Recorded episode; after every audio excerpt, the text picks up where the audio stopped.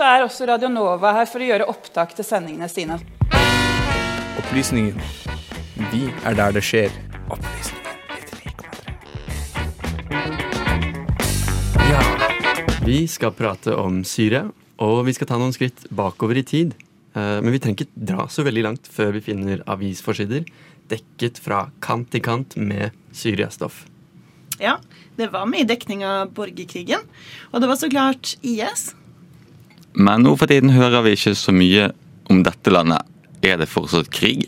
Hva er det egentlig som foregår i Syria i disse dager?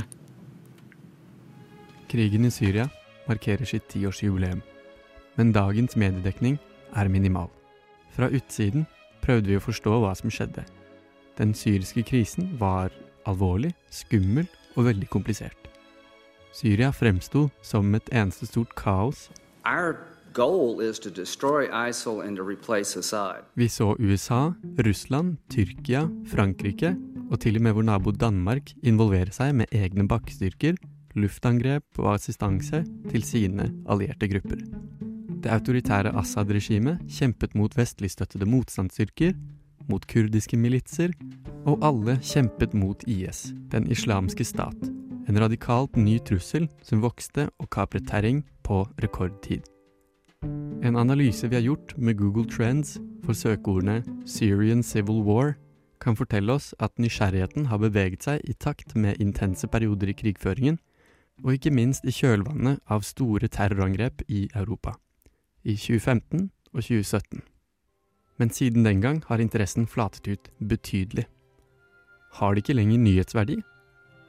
Mens omverdenen mistet nysgjerrigheten, skjedde det noe i Syria. Landet har frosset i en politisk og geografisk deadlock. Syria er i praksis fire forskjellige autonome soner med fire helt ulike styresett. La oss bryte det ned, sten for sten. Ca. 65% av Syria styres fortsatt av det gamle Assad-regimet.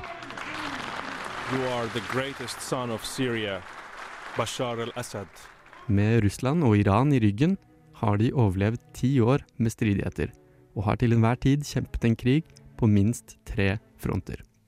Fra presidentpalasset i Damaskus hevder Assad å være Syrias eneste legitime makt.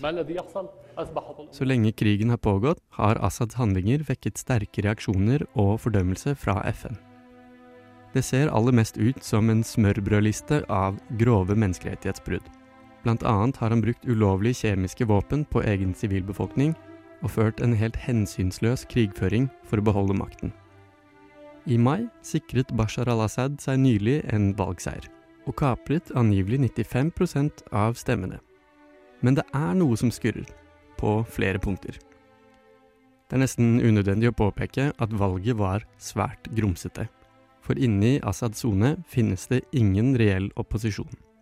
De er fengslet, fordrevet eller drept i krig. For øvrig fanges de fleste opp av Assads sikkerhetspoliti. Ytterligere 10% av Syrias territorium styres av den såkalte frie syriske hæren. En opprørsgruppe som i snart ti år har styrt Idlib-provinsen i Syrias nordvestlige hjørne. Det har ikke vært spesielt lett. Byen Aleppo, som lenge var hovedsete til motstandsstyrkene, ble beleiret og bombet fullstendig i stykker. Kampen om Aleppo ble et fire år langt inferno, og drev hundretusener av uskyldige syrere på flukt, både internt og til utlandet. Den frie syriske hæren har i ulike faser fått støtte av vestlige myndigheter. Can you tell us what the total number of trained fighters remains? Uh, it's a small number. The ones that are in the fight uh, is, uh, is we're talking four, four or five. men har slitt med å egentlig forenes om en felles plan, politikk eller ideologi.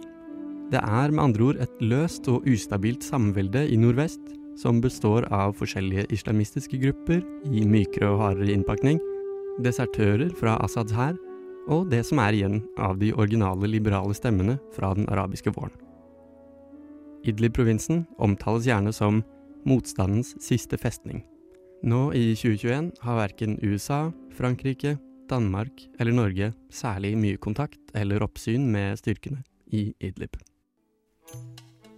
Men i nord har Syria en kjempelang grense med Tyrkia. Og når jeg sier Tyrkia, er det nok mange som i første rekke tenker på steder som Antalya og Alanya, på sol og strender og ferieparadis langs Middelhavets kyst. Militær okkupasjon er nok en baktanke, om det faller oss inn i det hele tatt. De siste fem årene har den tyrkiske hæren rykket stadig lenger inn fra nord, og har nå okkupert nærmere 10% av sitt naboland. Men Erdogan, hvorfor i alle dager har han invadert Nord-Syria? Tyrkerne har hatt to mål. På én side støtte den frie syriske hæren etter Vesten hadde gitt opp det prosjektet, og på den andre siden bremse opp for den kurdiske minoritetens frigjøringskamp. Tyrkiske myndigheter er livredde for å miste maktbalansen internt i sitt eget land, der det bor 20 millioner kurdere som har en annen kultur. Selvstyret henger høyt for en såpass stor folkegruppe som har blitt undertrykt og lever splittet i ulike land. Kurderne er altså sist, men ikke minst. Rojava er navnet på den kurdiske sonen, og dekker 15% av territoriet. Her i nordøst har kurdiske styrker opprettet en sekulær stat. Et direkte demokrati basert på anarkistiske og feministiske prinsipper. De avskaffet dødsstraff, desegregerte skolesystemet og innførte mer selvstyre til lokale klaner og minoriteter. Med andre ord er det en slags skjebnens ironi at Rojava styrer de samme områdene der IS regjerte for bare noen få år siden. Rojava, med sine tusenvis av kvinnelige soldater og egalitærsosialistiske visjon, er nærmest en direkte motpol til det såkalte kalifatet som var. Og til tross for at det fortsatt er krig, har innbyggerne i Rojava en høyere levestandard og dobbelt så høy lønn som resten av landet. Og nedsiden Vel, ansvaret for store flyktningleirer og overfylte fengsler. Der sitter det tusenvis av tidligere IS-soldater som holdes atskilt fra samfunnet bak lås og slå. Etter ti år med krig er Syria helt ugjenkjennelig. Assad, den frie hæren, Tyrkia og Rojava, dette er de fire sonene, de fire systemene. I mellomtiden tyder lite på at Syria noen gang vil bli det samme. Over tid vil disse skillelinjene gro enda dypere røtter, og Syria vil i praksis deles i fire. Krigen har skapt en utrolig innviklet maktdynamikk, der alle grupper som har vunnet noe, også har tapt noe i like stort omfang. For aller første gang siden 2011 ble det meldt at færre enn 250 mennesker hadde dødd i august og september. Det er litt paradoksalt å kalle dette en gladnyhet, men hvis utviklingen fortsetter, blir oktober 2021 første måned der flere mennesker i Syria dør av covid-19 enn maskingevær og bomberegn. Fra hvert sitt hjørne håper nå hver av de fire kreftene å gjenreise landet. Vaksine for vaksine og sten for sten. Men med en skrøpelig grunnmur kan det ta sin tid før Syria er et godt hjem.